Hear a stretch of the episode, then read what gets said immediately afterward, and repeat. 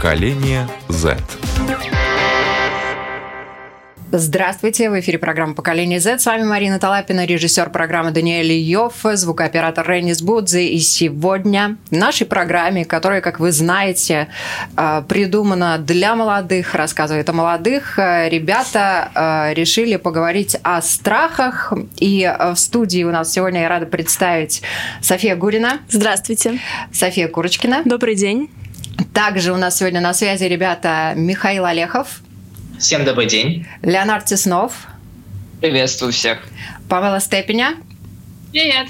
И поскольку мы решили поговорить о страхах, мы решили, что нам нужен обязательно какой-то взрослый человек, который нас а, будет защищать сегодня. И пригласили эксперта. Сегодня с нами а, в студии профессиональный практический психолог, нейропсихолог, член профессиональной психотерапевтической лиги, член Ассоциации когнитивно-поведенческой психотерапии Владимир Мараховский. Здравствуйте. Здравствуйте.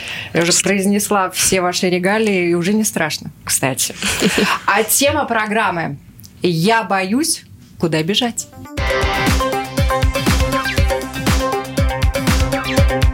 Поколение Z. Я когда готовилась к программе, я начала вспоминать сама свои детские страхи и вспомнила один такой, который мне достаточно долго преследовал. Мне почему-то было очень страшно преодолеть э, совершенно маленькое расстояние. Вот когда в подъезд заходишь, такой маленький предбанник, и там две двери. Одна дверь ведет э, на лестничную клетку, а другая дверь вела в подвал. И вот мне надо было во что бы то ни стало максимально быстро э, пробежать, потому что какой-то невидимой силы я боялась. Именно из подвала, конечно темно, же. замкнутое пространство. Это было и днем. Днем я тоже так боялась. все равно темно. Ну, Две двери закрыты. Коробочка. вот, вот чего-то я боялась, и хочется у вас спросить, какие у вас страхи были детские, может быть, и сейчас какие-то есть? Мне кажется, что у меня с детства пошло это страх перед публикой. И он как в детстве был, так и сейчас он есть, особенно если это дело, которым я никогда особенно не занималась, допустим, в школе, выступление, мое любимое. Вот. И так как я тоже вот собираюсь журналистом становиться, то приходится перебарывать этот страх, ну, чуть ли не каждый день. Я себя никогда не считала человеком с большим количеством каких-то страхов, потому что мне кажется то, что любой страх — это то, что мы сами себе внушаем, то, что мы сами себе как-то привили, и поэтому если я ловлю себя на какой-то мысли, что начинаю думать о том, что, возможно, все не будет так уж хорошо, то стараюсь себя, как Мюнхгаузен, из этого вытягивать и заставлять себя думать иначе.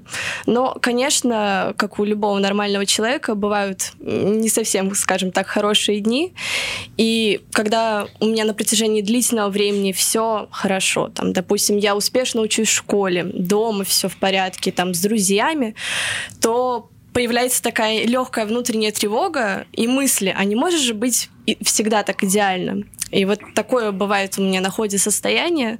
Но опять же, я как-то за годы, наверное, научилась сама с собой работать и возвращать себя обратно в спокойное состояние.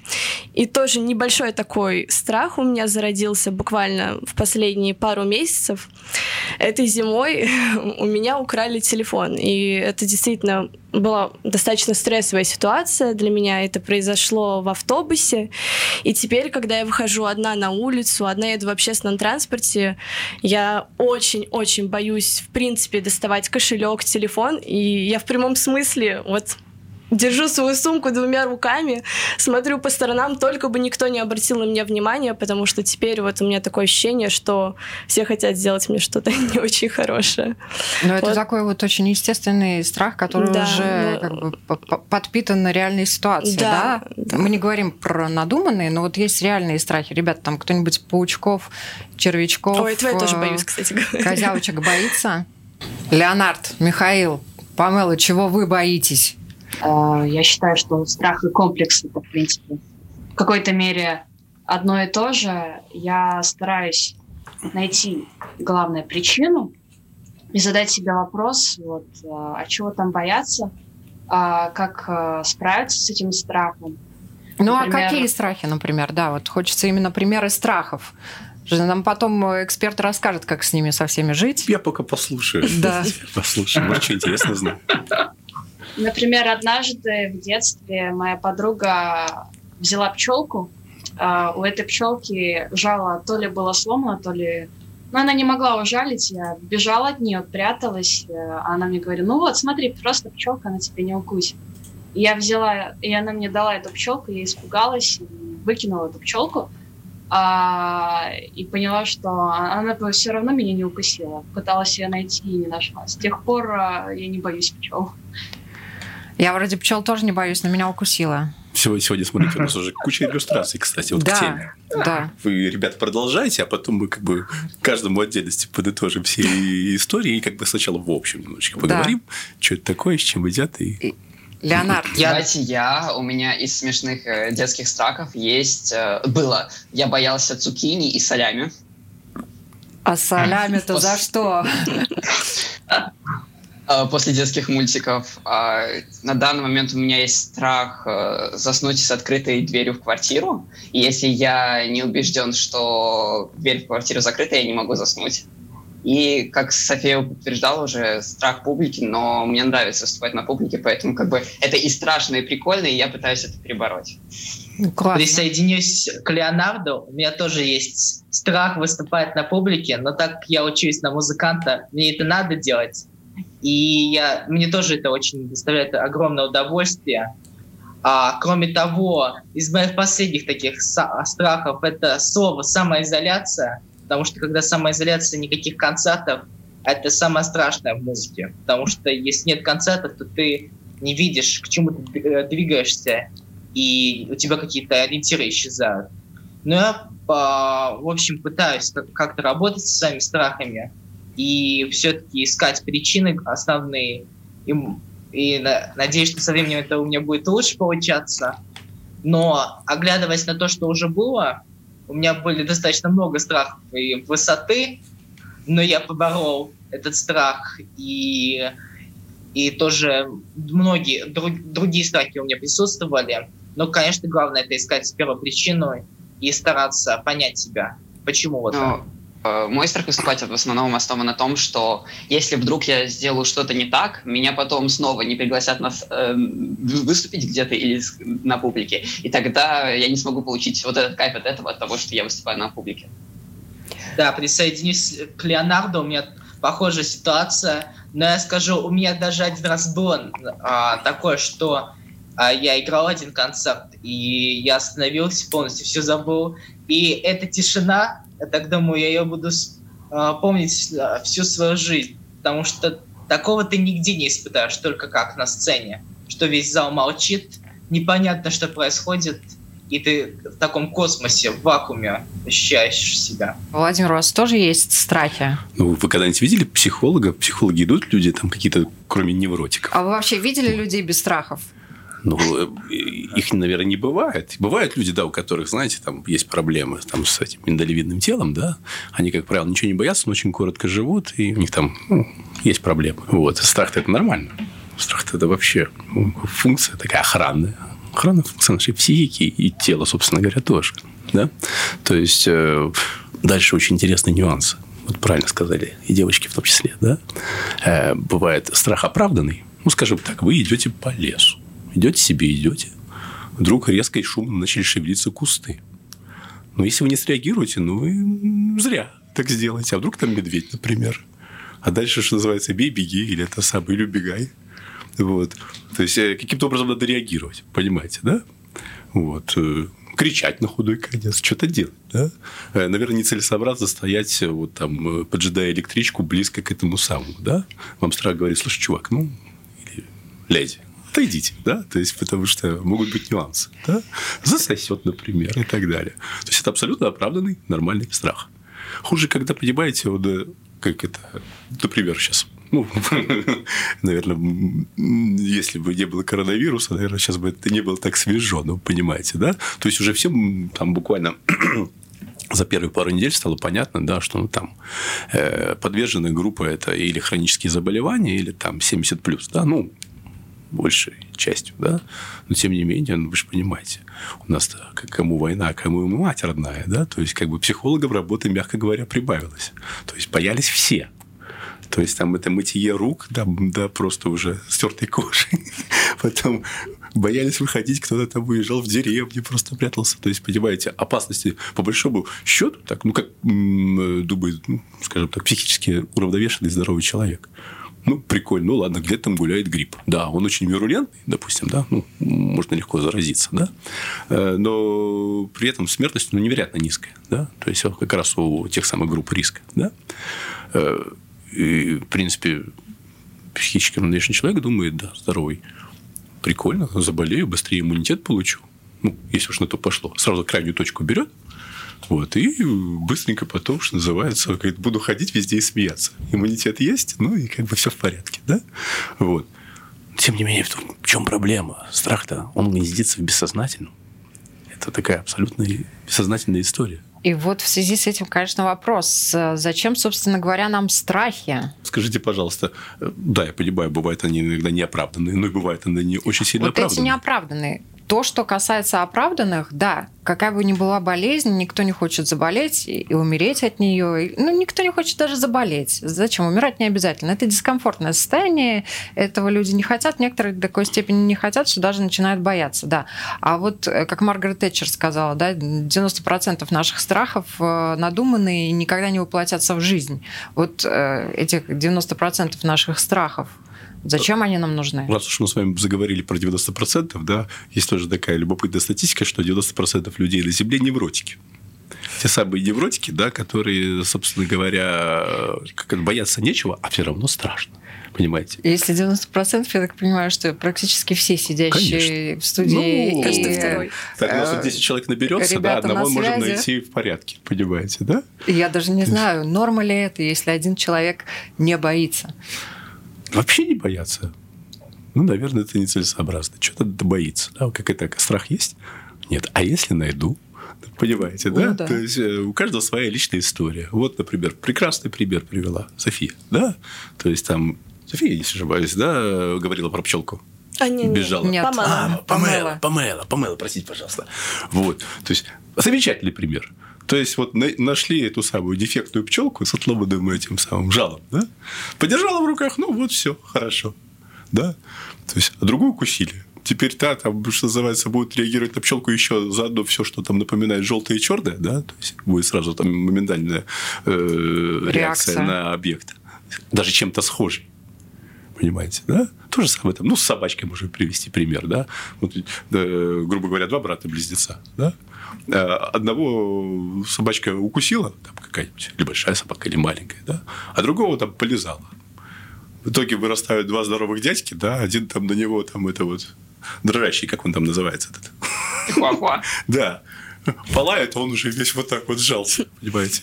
А второй, ну, пройдет, ну, что-то там это, собака лает, ветер носит. Топ-5 детских именно страхов, таких, которые... э, Чего боятся дети, да, это темнота, одиночество, ну, этого боятся и взрослые, наверное, да, собаки, насекомые и бабайки.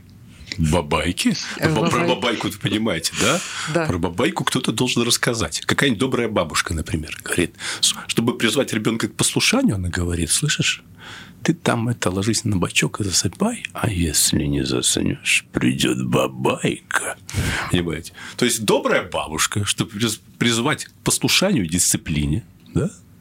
Вот такую вот историю раз замечательную рассказывает ребенку, и потом удивляется, вот, почему у нас тут начинается анурез, еще что-то, еще что-то. Так добрые взрослые, А- это многие пугают э, детей осознанно или неосознанно они это делают. Э, Леонард, ты хотел Как это говорится, сказать? нас пугали, и мы будем. Передай дальше. Да. А, Хорошая ли это практика воспитания пугать детей бабайками? Абсолютно тоже отвратительная, на мой этот взгляд. вопрос. У нас, к сожалению, есть некоторые такие очень своеобразные культурные традиции, за которых бы вот всем этим взрослым пиндалей бы понадавать, понимаете? Потому что, ну, понятно, что из поколения в поколение, да, вот передается, передается, передается, передается, да. Ну вот, пожалуйста, сейчас вот прекрасно. И, ну, и складывается такое убеждение, совершенно верно. Нас пугали, и мы будем, как это вот происходит, то самое карма, карма. Передают, что называется, определенные убеждения из поколения в поколение, вербально, через это морфическое поле и так далее. Вот София, опять же, очень хорошую штуку сказала. Когда у меня долго все хорошо, я начинаю тревожиться, что что-то сейчас будет нехорошо.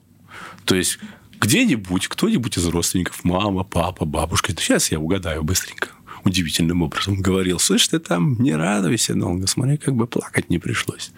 Девочка наматывает себе на ус, у нее это убеждение прорастает, и потом она сидит и думает, что-то тревожненько. Причем она ну, сама уже не помнит, потому что там ее ляпнули, и она в таком возрасте была. Там еще, знаете, под стол пешком ходила. Понимаете? И она сидит и говорит, что-то я долго радуюсь, а? что-то долго все хорошо пора бы напрячься. И потом сама думаю, слышь? Вот тут вот очень интересный момент тоже. Я думаю, что у вас наверняка найдутся, найдутся друзья, ребята, которые э, так или иначе на какую-то ситуацию реагировали, о, меня папа убьет или меня мама э, застрелит, э, мне надо домой. София. Да, у меня, к примеру, я нашлась. ну, мне на самом деле кажется, что вот послушав эксперта, и вот София об этом тоже говорила, что действительно большинство наших страхов, они все идут из детства.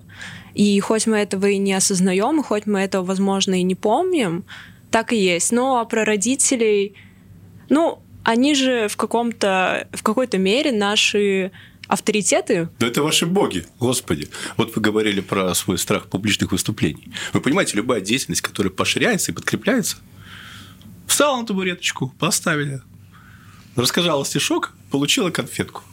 Подкрепление случилось. К сожалению, воспитание – это есть дрессировка. Ну, извините, ну, просто ну, давайте уже называть вести своими именами. Да?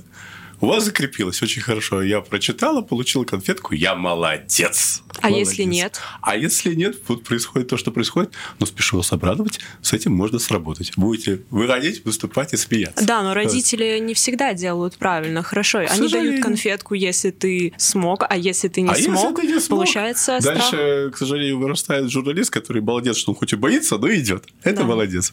А ну, разве не потом можно это делать. что... Извиняюсь, что, что перебил. Не главное, что этот ребенок совершил усилия. Вот мне интересно, почему что это... он совершил Момент не он молодец. Вот. То, что он боится, можно с этим жить и тратить энергию на то, чтобы бояться. А можно просто этот страх переработать и дальше выступать и смеяться. Ну да, но тут вот вопрос, э, что же с этим делать, потому что родители все равно не перестанут пугать. И есть родители, которые начинают там малышей тех же «сейчас акула приплывет, не иди на глубину». Это же такой абсолютно, ну, казалось бы, защитный страх они вырабатывают в ребенке, чтобы он не шел, чтобы он там, не дай бог, не утонул. Просто надо объяснить, что там будет глубоко выше головки, ну там нецелесообразно. Вот. Понимаете, а запугать чем-то, чтобы он потом, блин, была у него очень своеобразная телесная реакция на глубину, понимаете? Ну, зачем это надо? Видите, все наш страх, он где-то ощущается, он где-то живет в теле. Вы понимаете, вам страшно, у вас живот свело. Опа. Да. Вы знаете, по-хорошему, да, надо просто э, наш вот этот эфир у- увенчать какой-нибудь демонстрацией. Например, у кого-то из участников убрать какой-нибудь страх прямо в эфире. Это будет очень забавно. А вот давайте, что- кто-нибудь потому готов? что это самое. Давайте сначала просто еще немножко пообсуждаем, а У потом нас не вишенка на так много торте. времени, поэтому... Да. А вишенкой на торте будет Да. какой-нибудь убор какого-то незатейливого страха. Вот, Давайте. потому что Но я понимаю, что страхи есть э, реально э, те, которые основаны, как говорится, которые страхи- оправданы, не, И которые не страхи оправданы. на реальных событиях, основанные на реальных событиях, знаете, как как фильм такой, да, и Да. страхи э, фантастические, да, придуманные. И э, вот с какими чаще вам, как психологу, приходится работать-то? Там всегда это все целая пачка есть, понимаете? То есть, э, если человек уже, ну, грубо говоря, представляете, то есть, э, вот он родился, там, допустим, э, он еще там маломесячный ребенок был, да, у него, допустим, случилось какое-то заболевание, там, ну, родители, допустим, там, не досмотрели или просто где-то подцепил, да, его забрали в стационар, он там просыпается, опачки, маму зовет, а мамы нет. А маму не пустили туда, понимаете? Все, готовый невротик. То есть, будет абсолютно это самое. Он что, у него мамы нет. Он понимает, что мама – это мир. А мир не в порядке, значит, раз мамы нет. Понимаете? Бывает даже преднатальный уже рождается уже готовченко. Понимаете? Допустим, там родители аборт хотели сделать, а ребенок-то, у него диффузное ощущение есть. Понимаете? То есть, что его хотели, допустим, уничтожить. Или что он был нежеланный. Понимаете? То есть уже вот родился готовый ребенок. И это тоже может сработать, что слава богу, понимаете? Вот. То есть, э, на самом деле, профессия у нас благородная. Да? Ну То есть, да. можно сделать очень много. А что Я как бывший невротик могу сказать, что, в принципе, сам Бог велел. А э, что могут сделать сами люди? Сами люди. Молодые люди. Вот правильно говорила София, да? Осознаешь, понимаешь, опредмечиваешь. Вы же понимаете, страшно это просто страшно. Ну, значит, с собой начинаешь разговаривать. А что я боюсь? А я боюсь вот этого, вот этого. Ну, если мы говорим уже так по когнитивочке, да, то есть как бы э, по осознанию. Целесообразно этого бояться? Ну, наверное, не очень. Да? Ну, иногда это срабатывает, как вы правильно сказали, когда вы находитесь в ресурсном состоянии, когда у вас все хорошо. А представляете, там, ну, допустим, там, у девушки ПМС, ей так тревожненько, понимаете? Вот. И тут в это время она чего-то испугалась. Она не может уже даже вот это все проанализировать. Она не в ресурсном состоянии. Или кто-то что-то сказал, слышь, ты там это, что-нибудь, наехал. Все, она не в состоянии, в состоянии уже вышла из равновесия, понимаете? И она уже не может адекватно все разложить по полочкам и понять. Поэтому, чтобы действительно страх сработать так, как надо, надо работать с бессознательным человеком. Это уже, а бессознательное, к сожалению, к сожалению, не понимает вербального языка. Оно очень хорошо понимает язык символов, язык образов. Но вот непосредственно вот это вот бла-бла-бла-бла, да, для бессознательного эта речь, она вчера появилась. Бессознательно более ну, глубокая, понимаете, да. более древняя структура. И надо туда лазить, чтобы... Ну, вот- я когда рисую, мне становится легче. разобрать. О, очень хорошо, рисуночная терапия, пожалуйста. Что-то вы У меня, к испугались. примеру, простите, что перебиваю, у меня, к примеру, иногда есть страх звонить, э, звонить в фирмы именно. И чтобы не бояться этого, я просто стараюсь об этом не думать и звонить сразу же, чтобы не мучить себя этим чувством страха. Очень и не грамотно. думать о, вообще, о- не думать о страхе и делать сразу. Да, я, Страх я это- тоже... страх- Во-первых, страх это нормально. Во-вторых, чем отличается так говорят, трус от смельчака? Да? То есть трус боится и не делает, а смельчак боится и делает. На секундочку, да? То есть у него вырабатывается, что называется, определенный паттерн, да? Миш, ты хотел сказать, скажи. Да, Миша? Я хотел тоже сказать, что у меня это правило действует. Если ты боишься, правило 5 секунд, что за это время надо постараться это действие сделать. Потому что тогда легче всего побороть, потому что еще не, не начинаешь ты задумываться о, о результате. Правильно. А какие у вас вопросы рождаются по теме страхов? Страх. Вот, например, у меня была такая ситуация, человек поступил со мной некрасиво, я спрашиваю, а почему ты передо мной не извинился, почему ты продолжаешь просто как будто перепрыгнул эту ситуацию, и мы пошли дальше, но как бы мы дальше будем общаться. Нет, нет, мы не можем дальше так общаться, нам надо разобрать эту ситуацию, потому что мне она неприятна, мне страшно. Тебе страшно или тебе человек ответил? Ну, э- э- этот человек мне ответил, мне страшно. Как извиняться? Мне страшно тебе извиниться, мне страшно, Да. что ты разозлишься. А то, что я злая, это, это ничего. То, что я и так буду злая, это ничего. Ты сделал, ну, как бы этот человек сделал ситуацию, которая мне была неприятна, и меня разозлил, и не извинился. И ему страшно извиниться. Как это? Да, я думаю, что это не про страх. Да, Это наверное. про стыд, про какие-то другие удобства. Чувство гордости. Да, это, это не про страх. Это он ляпнул первое, что пришло в голову. Так, на самом деле, сказать, если что, мне страшно. Пожалейте меня. Да? Как это, помните, как говорил этот Баляч, да? Прошу понять и простить. Мне страшно. А с каким самым необычным, наверное, нетипичным страхом к вам обращались? Или, может, вы слышали, в принципе, истории? Да нет, ну, ведь много работаю со страхами каждый божий день. То есть, что такое не работаю? Ну, как фобия, например, да? Да. То есть, это вот какой-то страх какого-то объекта или ситуации, да? Это же как с добрым утром. Там, аэрофобии. Там-то ну, нормальный специалист может, в принципе, там, за сеанс, за два сработать эту и аэрофобию и боять какого-то пауков, там, замкнутых пространств и так далее, да? Если там, конечно, нет какой-то более глубинной истории, да? Какие-то страхи есть, они сильно врожденные. Ну, допустим, у некоторых людей он врожденное боязнь пауков или змей. То есть уже на генетическом уровне, видимо, как бы предки из того региона, где вот это вот э, многие тысячи лет. Змей, кстати, Был- многие была боятся, история, да. да. и они уже, что называется, с прошитым родились. У кого-то есть какие-то уже непосредственно в личной истории инциденты, да? То есть ну, самое хорошее, что есть во всем этом деле, фактически любой страх можно сработать, отработать, да? Вот сегодня страшно, а Угу. Пауков и можно полюбить. А можно задать вопрос? Можно. Конечно. А какой страх нельзя побороть? ты, наверное, целесообразный, не стоит бороть. Побороть-то можно все, что угодно. Вы же понимаете, и шахидов люди делают. Вот. Взяли такие вот специалисты вроде меня, только со знаком минус, знаете, которые, ну, как бы не совсем э, э, разбираются в экологии или ну, сознательно да, делают что-то не экологичное, да. Берут и программируют человека, да, что он готов на себя бомбу повесить и пойти там броситься в толпу людей или что-то еще. Если даже можно преодолеть инстинкт самосохранения, пообещав там на небесах бананов и девственниц, понимаете, да? То есть, как бы... Скажите, пожалуйста, как бороться против страха о будущем, о том, что ты не будешь успешной, если ты сам делаешь усилия и себя убеждаешь, но потом у тебя периоды, периодами такое накатывает, что безнадег, безнадега, и ты пытаешься понять, будешь ли ты успешным или нет. И это вопрос.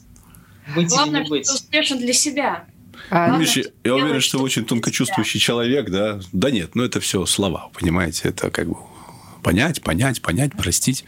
А Тут мне, надо- можно я Да. вставлю свои пять пальцев? Я потом, Э, Миша, вам расскажу. Да. Э, Мне один, кстати, тоже человек э, с приставкой «пси», только психиатр сказал, вот тоже был у нас на программе, сказал такую очень интересную вещь, что не сомневается, не сомневаются больные люди, а здоровый человек, он должен сомневаться во, во многих вещах. Вот Совершенно верно. Совершенно верно. Весь вопрос действительно, какая процентовочка этих сомнений. Да. Да. То есть, если в принципе, как это, э, по принципу, помните, так было число Парета, да, 80 на 20. Если у тебя 80 уверенности, 20, э, уверенности 20% сомнений, вполне себе нормальная процентовочка, да? То есть, когда человек вообще ни в чем не сомневается, ну, как мы его назовем? Ну, наверное,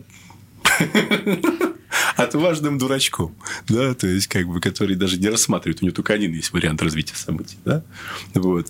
Если человек, ну, как там, помните, Декарт говорил, да, нет, он говорил, мыслью, значит, существую. А кто-то там потом э, его перефразировал, сказал, сомневаюсь, значит, существую. Да? То есть, в принципе, я ничего не вижу плохого ни в сомнениях, ни в страхе. Да? Весь вопрос процентовочки. Да?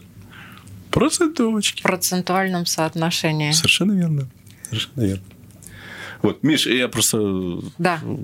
да, договорю, да. То есть, во-первых, да, э, вы должны сработать со своими убеждениями, да. То есть, э, я уверен, у вас там, ну, непростая личная история, да. То есть, многое вам чего говорили, много чего прогнозировали, да. Какие-то вещи, к сожалению, у нас своих убеждений фактически нет. Все убеждения, которые у нас присутствуют, да, они, э, ну, чаще всего индуцированы другими людьми.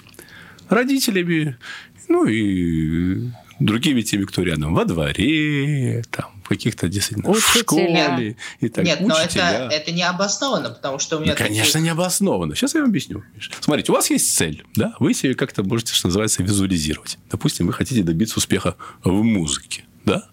А потом вы должны себе ответить на такие очень любопытные вопросы. Какие, по каким убеждениям вы живете относительно своего успеха в музыке? И напишите. Это невозможно, потому что. Ну, потому что, допустим, там у меня очки и еще некоторые нюансы. Это убеждение вполне себе да? Да. Отработать это убеждение там по той технике, ну, которую я, может быть, как-нибудь вам покажу, да? То есть, это невозможно, потому что, ну, допустим, я там живу в Латвии, а Латвия такая маленькая, а где там, что называется, Стиви Вандер, а где я? Он со Штатов стартовал, а я из какой-то там Латвии. Ну, понимаете, все эти ваши так называемые убеждения, которые у вас нет-нет, да и закрадываются в голову. Я прав? Не, но не, Случается. не эти, не эти, конечно, ну, но какие-то похожие. да. Какие-то похожие. но- Вы, каким-то э, образом там их сами себе предмечиваете, да? Эти убеждения просто надо отработать, да? И отработать их действительно на бессознательном уровне, да? То есть их опредметить, отработать, засунуть новые. Какие страхи вот именно у вас были? Тоже звучал такой вопрос вначале, но, по-моему, вы не ответили. Да, мы хотим узнать, вот какие лично у вас были, существуют на данный момент. Знаете, я же столько с собой сделал всего, что мне кажется, что же там сейчас выйдет, там будет извержение вулкана. Я так, ну, прикольно. Извержение вулкана. Страх одиночества я когда-то испытывал, да, причем у меня такое ощущение, что я испытывал с самого рождения.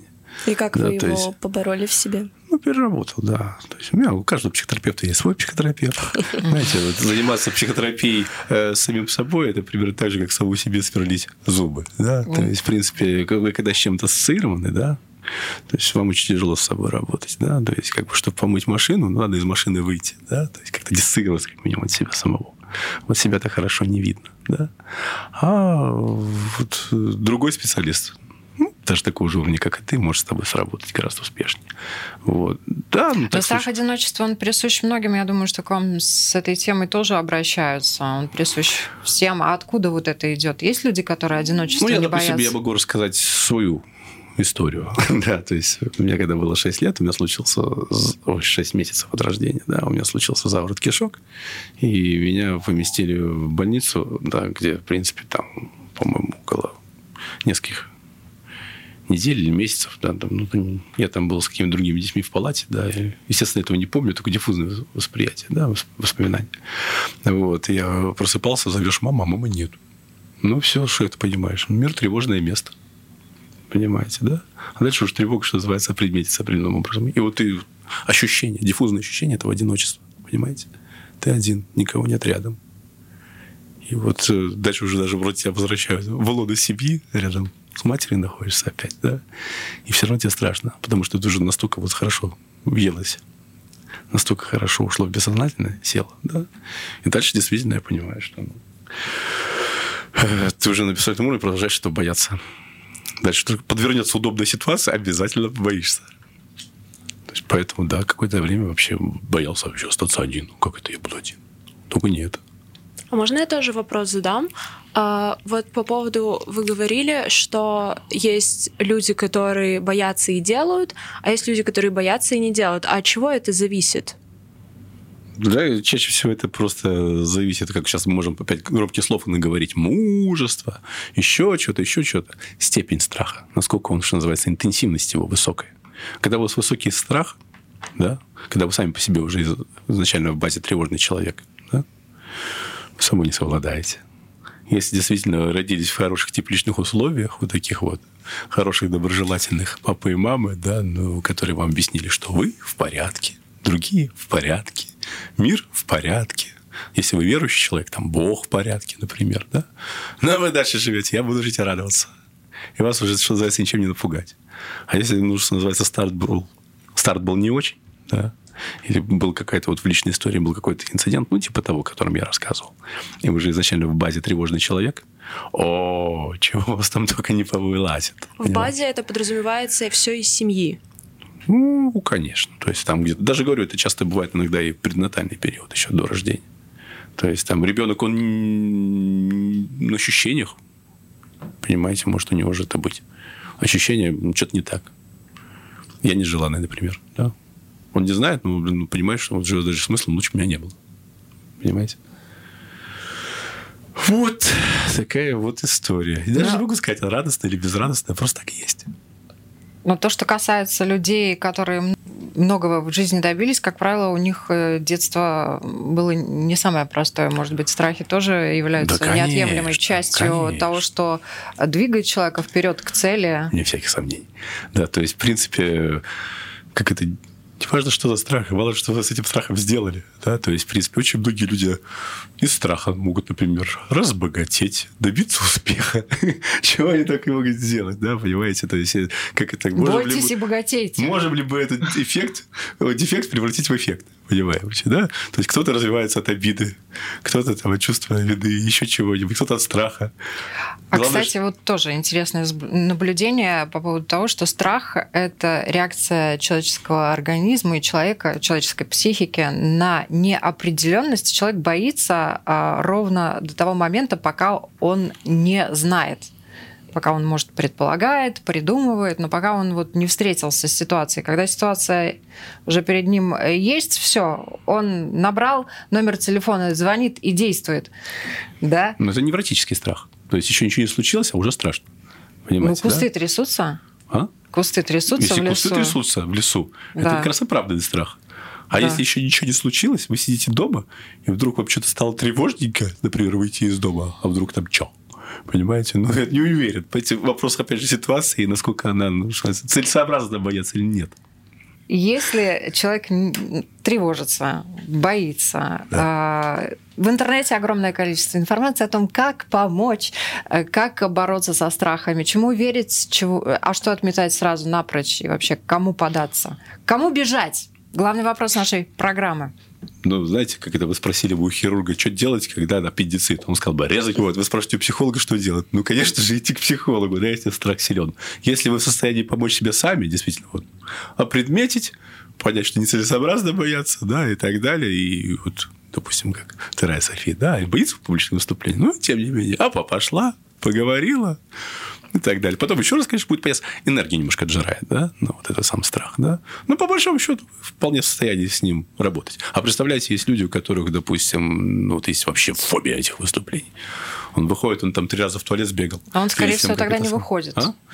Ну, есть всякие выходят, у некоторых там случается потом такое перенапряжение, или потом там три дня лежит пластом после этих публичных выступлений, и, понимаете, там себя в кучу собирает. Такой стресс для него был, такой стресс.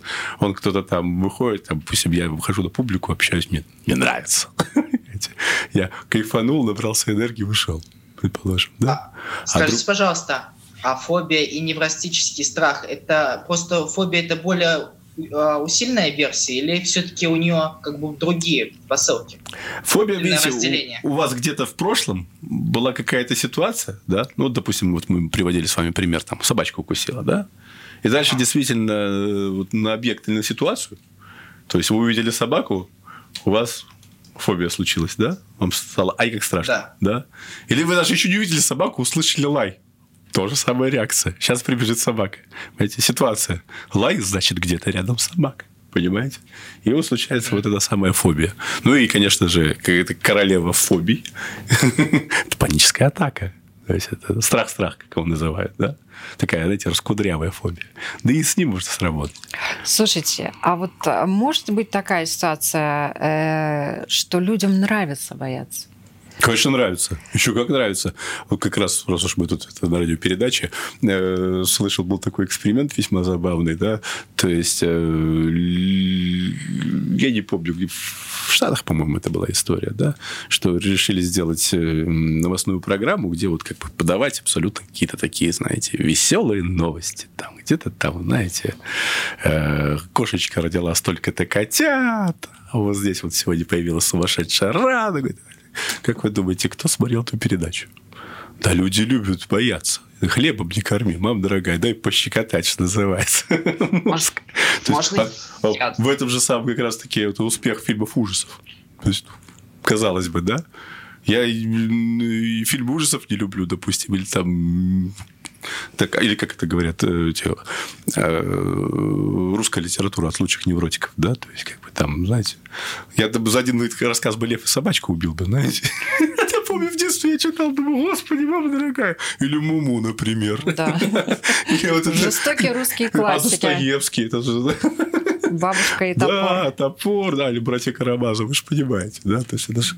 А я не смогу сослаться на исследования, но после испытывания своих страхов человеческий мозг выбрасывает дофамин, поэтому нам всем страх и нравится. Именно не во время. Из-за дофамина после страха. Как раз вот вы сначала боитесь, а потом у вас отхат идет, да, тогда да. может быть, да, пока когда вы боитесь, у вас там другие гормоны выбрасываются, и они, к сожалению, не такие приятные, как выброс дофамин. А, фильмы, страшилки различные тоже в какой-то мере полезны. И если человек чего-то там боится, там можно и фильмотерапия, и книготерапия тоже прочитать. И, и игротерапия, да. Бегаешь, тебя убивают, ты убиваешь. Да. Ты командиром стал через все эти страхи. Ну, что, давайте эксперта послушаем на эту тему. Вот, кстати, Памела, Памела, Памела, очень хороший вопрос. Подняла несколько раньше в передаче, да, относительно того, что она там что-то порисует свой страх, да, а потом его там скомкает или сожжет, или еще чего-то там, да, и сработает. Вроде как перестало страшно быть, да. Кстати, очень классная история, на самом деле. Вот вы спрашивали, как помочь самому себе. Угу. Ну, что-то вы там боитесь, допустим. Да, да, ну, вот, перед экзаменом, например. Такая банальная история, да?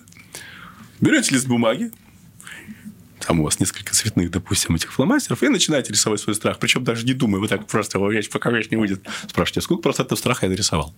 Ну, допустим, 64. вам что-то говорит, первая мысль, которая пришла в голову. Вы дальше... Ну, пока там процентов 90 страха уйдет, а лучше 100. Вот сколько выразила?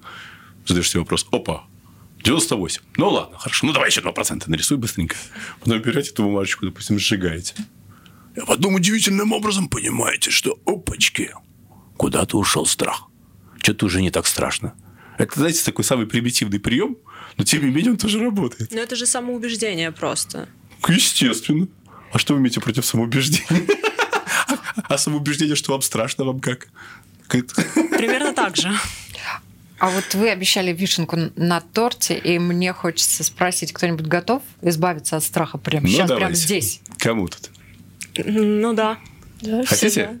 Хотим. Мы Давайте. все готовы. Что, что, что, Все. что, что именно? Давайте я просто выберу что-то такое, что может сработать. Допустим, страх публичных выступлений, да, но мы не уложимся, там надо с ним поработать немножечко, да. Ага, а вот, допустим, если какой-то такой есть незатейливый, вот, допустим, э, с, э, вот этот вот вы говорите, у вас там подобается время от времени, да, вот мне понравилась эта история, довольно легко сработать, и можно быстро это сделать, да. Заодно это, кстати, будет и для Мише помощь, да?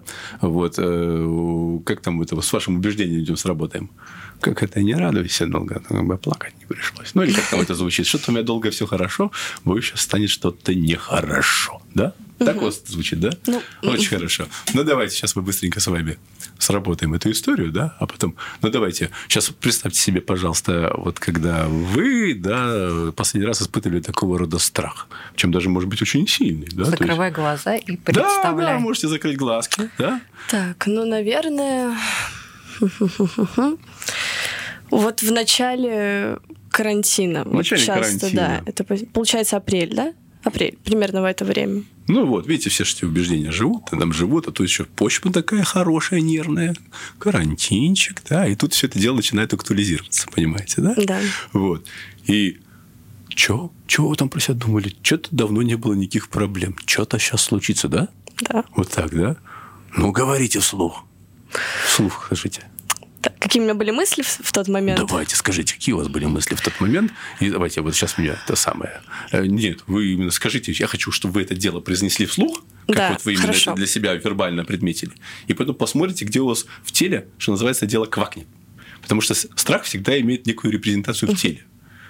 Так, ну я думала, что-то подозрительно. Слишком долго у меня все хорошо. Так, У меня почему-то все получается. так. Вроде окружающие, родные все Да. живы, здоровы, Да, все спокойно, все успешно. Но так долго быть не может? Да. Да, где квакает? В теле В теле. здесь. Вот здесь, видите, в животе классика жанра. Хорошо. Скажите, просто, София, а если бы вы знали, там мозг квакает, что, большое или маленькое? Покажите По мне ощущениям? руками. По ощущениям. Так. Ну, Вот такое, да, среднее. Да, а среднее. скажите, если бы это среднее было какой-то формы, какой бы формы это было? Овал. Овал. А это овал плоский или овал объемный? Объемный. Объемный, хорошо. А если бы это объемный овал был из чего-то сделан, чего бы он был сделан? Я почему-то его представляю вот сразу, как мы стали говорить там о форме, вот голубой, объемный такой, ну, как куб, только овальной формы. А? Голубого цвета, но из чего? Ну, пластмасса, наверное. Из пластмассы. Да. Голубой. Да. А потом он стал кубом, да, этот овал, да? Совершенно случайно. Ну да, объемная такая фигура. Хорошо, хорошо. Сейчас я просто думаю, в какой технике с вами сработать, да, потому что давайте сработаем с вами в одной, а с Мишей в другой, Хорошо, например, да? да. Ну Вот. С вами будет хорошо сделать это самое десенсибилизацию, и будет все красиво. Так, хорошо. А скажите, он тяжелый, легкий? Не тяжелый. Не тяжелый, нет. легенький страх. Видите, кстати, когда вы вот таким вот образом его обрисовали, то сразу очень много чего понятно Да, я его становится, осязаю. да? Осязаете, да? Да. А у вас э, он полый внутри или это самое? или Пустой. пустой? Ну, вот видите, то есть, что говорит о том, что страх мнимый, понимаете? А как это, голубой цвет по классическому Люшеру – это цвет легкости бытия. Вот. То есть, легкости Да, бытия, что-то у меня вижу все легко живу, да, а бы чего не случилось. Понимаете? А внутри ничего нету, на самом деле абсолютно надуманное убеждение такое вот, да? Вот, ну ясно. Ну что, кто вы это самое? Кто его хозяин? А? Расскажите мне, пожалуйста. Ну, честно говоря, я не помню, чтобы кто-то вот там в семье Да это мне понятно, говорил я такого. понимаю. Наоборот, мне кажется, как-то меня хотели всегда Хорошо, уберечь. Но вот у меня хорошо. очень много тревожных друзей окружает. Как-то так Ну, сложилось. кого-то вы подцепили, я да, предполагаю, что, наверное, Ну, хорошо. оттуда. Хорошо. Давайте мы сейчас самый простой вариант с вами сделаем, да, но зато один из самых эффективных, да? Да. Оцените, пожалуйста, вот на тот момент вот окажитесь сейчас там и тогда, когда у вас случился вот этот страх, начало карантина, помните, да? Что-то вы думаете, там, как мальчишки-бальчиш, все хорошо, да что-то нехорошо. Да? Помните? Помню. Помните, да? Оцените, насколько он был силен. Наверное... Так, по десятибалльной шкале. Я где, понимаю, где здесь да. он невероятно силен, один вообще пофиг. Первая цифра ко мне пришла в голову 8, но Восемь, я, нормально. когда оцениваю эту ситуацию, я я понимаю, то, что это не понимаю. так страх высоко, рациональная как бы, штука. но страх всегда можно пришла. оценить только по внутренним субъективным. Первое, вам приходит в голову, то и правда. Понимаете? Хорошо. Очень, На восьмерочку, очень хорошо.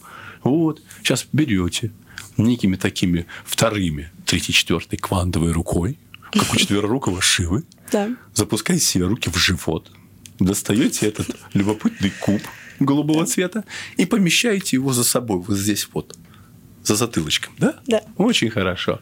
А теперь, пожалуйста, понаблюдайте, пожалуйста, за моими двумя пальцами, да? Просто понаблюдайте. Понаблюдайте. Не поворачивая головой, только глазами. Фу, отбросили все, выдохнули. Очень хорошо. Так. София, а чё? Есть что? Страшно? Нет, ну, нет. давайте вспомним сейчас эту ситуацию. Что-то начался карантин, у вас все хорошо, друзья, тролливали. И что? Не чувствую ничего. ничего. А как будет звучать контур убеждения? Вы же понимаете, видите, э, психика такая штука, она не терпит пустот. Да? То есть мы что-то могли оттуда убрать, но что-то надо обратно положить. Правильно? А как будет звучать контур убеждения? Если первое убеждение звучало, что-то у меня давно все хорошо, что-то должно случиться. А? Все было, есть и будет прекрасно. Совершенно верно. И что бы ни случилось, я все равно с этим Да, справлюсь. да. Да, несмотря Да? ни на что. Да. Хорошо, скажите, пожалуйста. Спасибо большое. Я просто чуть-чуть, ну, окей, потом закончу за, эфиром. Хорошо. Это это программа «Поколение Z». Спасибо большое, что были с нами. Пусть у вас все будет хорошо.